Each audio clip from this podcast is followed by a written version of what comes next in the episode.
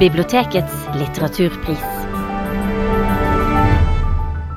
Hei og velkommen til denne podkasten der vi skal snakke om en av de ti nominerte bøkene til Bibliotekets litteraturpris 2023.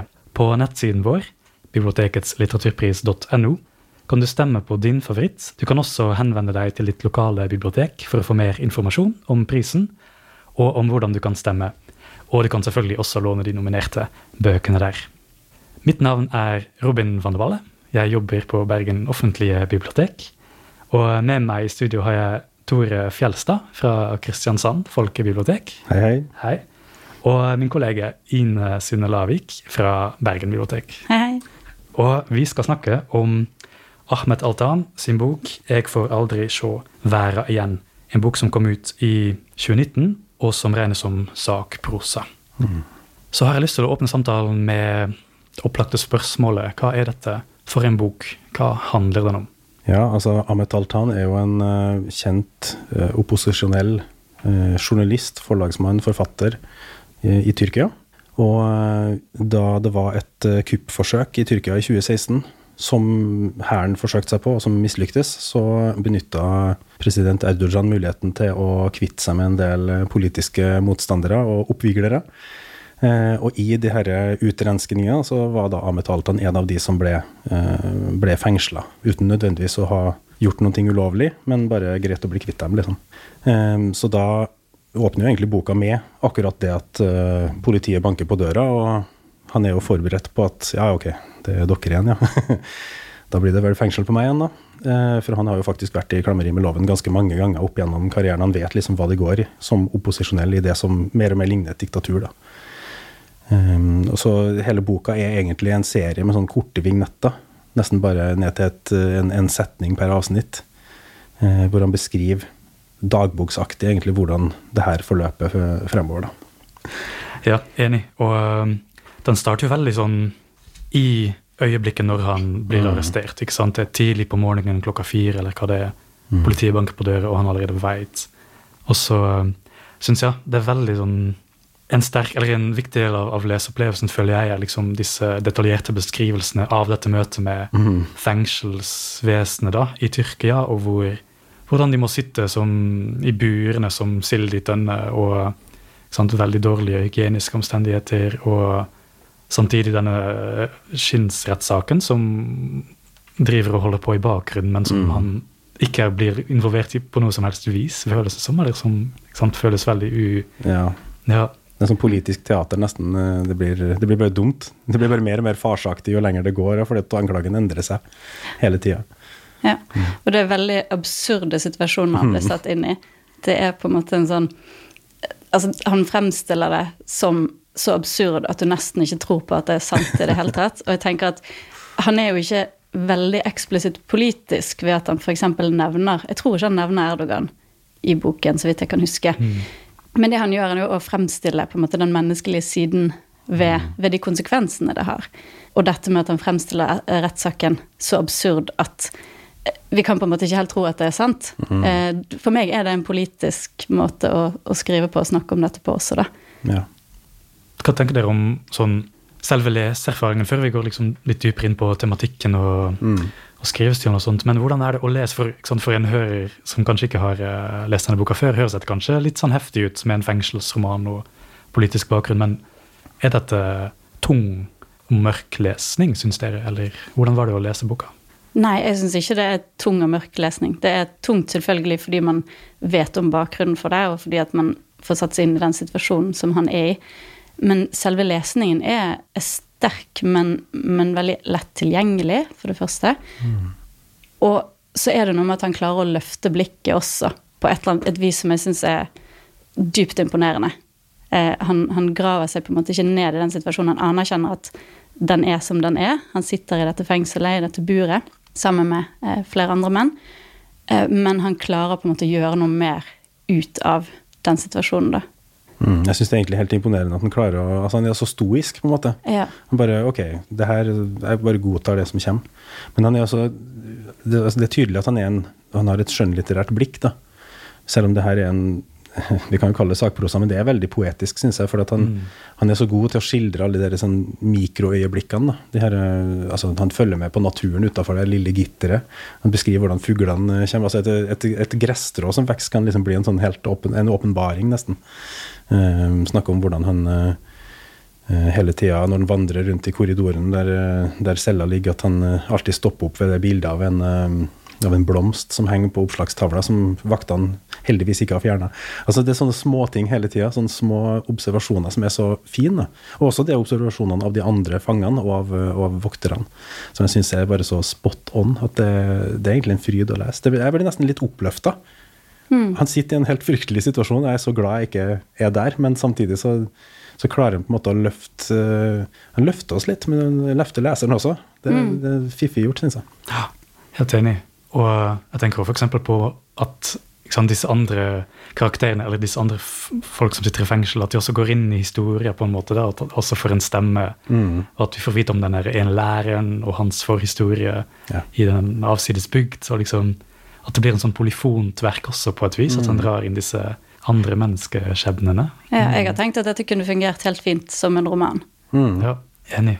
Altså, det er en fin scene hvor han er i han deler celle med to stykker som er dypt religiøse, og sjøl er han jo eh, egentlig ateist, da, eh, helt ut. Men når eh, han eh, ene cellekameraten får en fantastisk god nyhet, så ber de sammen. Selv om han er ateist, så deltar han. Liksom. Det er en så veldig sånn fin sånn, det, det, er noe menneskelighet som han utviser, og som alle fangene viser mot hverandre. For alle vet at ja, ja, vi sitter nå her, så vi må bare vi må gjøre det beste ut av hverandre og være gode mot hverandre. liksom. Selv om samfunnet har bestemt at vi er ferdige. Det, det, er litt opp, det er oppmuntrende på en måte. Mm. Jeg tenkte også på sånn, litt mer sånn uh, formessig, eller det der litt skjønnlitterære blikket som man har. Tenkte jeg f.eks. på dette kapitlet som handler om speilene, eller fravær derav. Mm, at ja, sant, På ja. fengselet så finnes det ingen speiler, så man kan faktisk ikke se ansiktet ditt i dag etter dag, måned etter måned, og hva det gjør med deg. Mm. Men i det samme avsnittet så skriver han også om noen av de andre som sitter i fengsel, som er de der eh, generalene som har prøvd å, å, mm.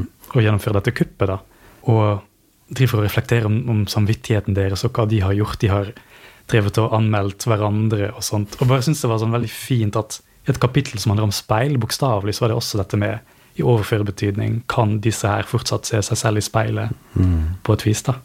Mm. Um, vi blir nødt til å snakke også om um, det som du var inne på, Ine, dette med at han tar denne situasjonen og forvandler den til noe nytt gjennom skjønnlitteraturen. Hva mm. tenker du? Jeg tenker at det er et av hovedtemaene i denne boken. Det er rett og slett hva litteraturen og forestillingskraften mm. kan gjøre med et liv, med en, med en, sånn situasjon. Jeg kan kanskje lese litt uh, fra begynnelsen for Gjerne. å vise hva, hva vi snakker om her. For da er vi altså det, Boken åpner jo, som vi sa, med at han blir fengslet tidlig om morgenen. Og så sitter han da i politibilen sammen med en politimann på vei til en uviss skjebne, men som han har en anelse om at dette går nok ikke så bra. Og i denne situasjonen så hører vi Vegene var tomme. Politimannen ved siden av meg tente en røyk. Så rekte han pakka mot meg. Jeg ristet på hovedet og smilte. Jeg røyker bare når jeg er nervøs, sa jeg. Og det er jo en cheeky kommentar i en sånn situasjon. Så jeg syns det er helt fantastisk. Men det han gjør videre, da, er jo å begynne å reflektere over ja, men hvor kom den stemmen derfra? Hvem er jeg som kan sitte her i en så alvorlig situasjon og liksom gjøre litt narr av det? Og si at men jeg er ikke nervøs, dette går fint. Um, og det er da han kommer inn på dette med litteraturen denne stemmen mener han sjøl kommer fra eh, bøker som han har lest om andre mennesker som er i, i krisesituasjoner, og på en eller annen måte klarer å vende situasjonen ved å fortelle en ny fortelling om den. Han snakker bl.a. om en person fra jeg tror det er fra Pushkin, eh, der det er en eh, person som skal bli skutt, og så, mens han har våpenet rettet mot hjertet, så sitter han og nyter noen kirsebær som han har i hatten sin. Mm. Um, og den måten han liksom vender den virkeligheten på, det, og vender blikket mot noe helt annet og sier at ja, det er dette som er viktig. Sant? Han skaper på en måte et nytt uh, verdisystem der disse diktatorene, dette regimet, de får ikke lov til å bestemme hva som er viktig. Mm. De får ikke lov til å bestemme at eh, nå er jeg blitt offeret i denne situasjonen. Jeg lager meg en helt ny versjon av dette. Og det begynner med denne setningen 'Jeg røyker bare når jeg er nervøs'. Men den, den setningen den tar han på en måte videre inn i boken, i refleksjonene rundt hva litteratur kan gjøre, og hvordan det kan snu om på den virkeligheten man sitter i. da. Eh, og da bruker han masse stor litteratur som han har lest fra han var en gutt og til i dag. Og så tenker jeg at det kunne vært det kunne ha vært litt sånn banalt. sant? Man kunne mm. tenkt at ja, ja, ok, du kan lese litteratur, og så, og så liksom flykter du ut fra, fra, fengselsmurene med det. Det kunne vært en enkel løsning på et eller annet vis. Men det blir ikke det, fordi at for han så er det det er moralsk, og det er et aktivt valg som han tar om å snu på denne situasjonen. Og det er en, et arbeid som han gjør. Mm. Eh, så da blir det ikke enkelt. Det, blir, det er en, en, vanskelig løsning, men han, han, klarer det gjennom litteraturen. Mm. Det syns jeg er godt sagt. Det er jo egentlig litt oppløftende for oss uh, som jobber på bibliotek, da, å høre at litteraturen uh, kan brukes til noe, selv om den har blitt litt uh, gammel. Men jeg, jeg, jeg syns liksom jeg kjenner igjen noen ting fra en annen nominert, altså Naya Marie Ait. Mm. har døden tatt noe fra deg, så gi den tilbake. Hun, bruker også, hun står også i en fryktelig situasjon og bruker litteraturen som verktøy da, for å forstå det hun sjøl står i per nå. Mm. Og bruke det for å få et vokabular og få en måte å reflektere og tenke på. Um, så jeg syns liksom jeg kjenner igjen litt av den metodikken det er litt interessant å se den parallellen mellom to forfattere som egentlig ikke henger sammen på noe vis. Mm. Ja, tenk på at jeg skulle poengtere det. ja, det syns jeg også er et godt poeng. Um, men ja, jeg syns det var veldig sånn uh, sterkt å lese hvordan sant, den der uh, stadige tankestrømmen hans blir en sånn Eller det der med at litteraturens kraft, at det også kan være en sånn mental sjøldisiplinstiltak, Ikke sant? At uh, å nekte å godta det narrativet som du blir påtvunget til mm. istedenfor. Jeg syns det er så fint, like etter at den første scenen med det der å røyke sigaretter kom, så skriver han også lik eit skarpt samuraisverd som i eit sveip kløyvde eit silkeskjerf i svevet, delte ho røyndommen i to. Mm. At det å liksom splitte virkeligheten og skape din egen ved å holde fast ved fiksjonskrafta og ved sjøldefineringsmakten. Mm. Syns jeg er utrolig ja, sterkt. Ja. Mm. Og et av de sterkeste øyeblikkene i boken for min del, det er når han mister denne evnen til å forestille seg. Ikke sant? Han, han blir eh, fengslet, men han har fortsatt et eller annet slags håp fordi at han klarer å, å forestille seg og fortelle historier om dette inni sitt eget hode. Men så på et tidspunkt i boken så sier han nå ble det helt mørkt. Nå klarer jeg faktisk ikke å bruke denne eh, forestillingsevnen min til noe. Den er forsvunnet. Jeg har ingen stemmer i hodet.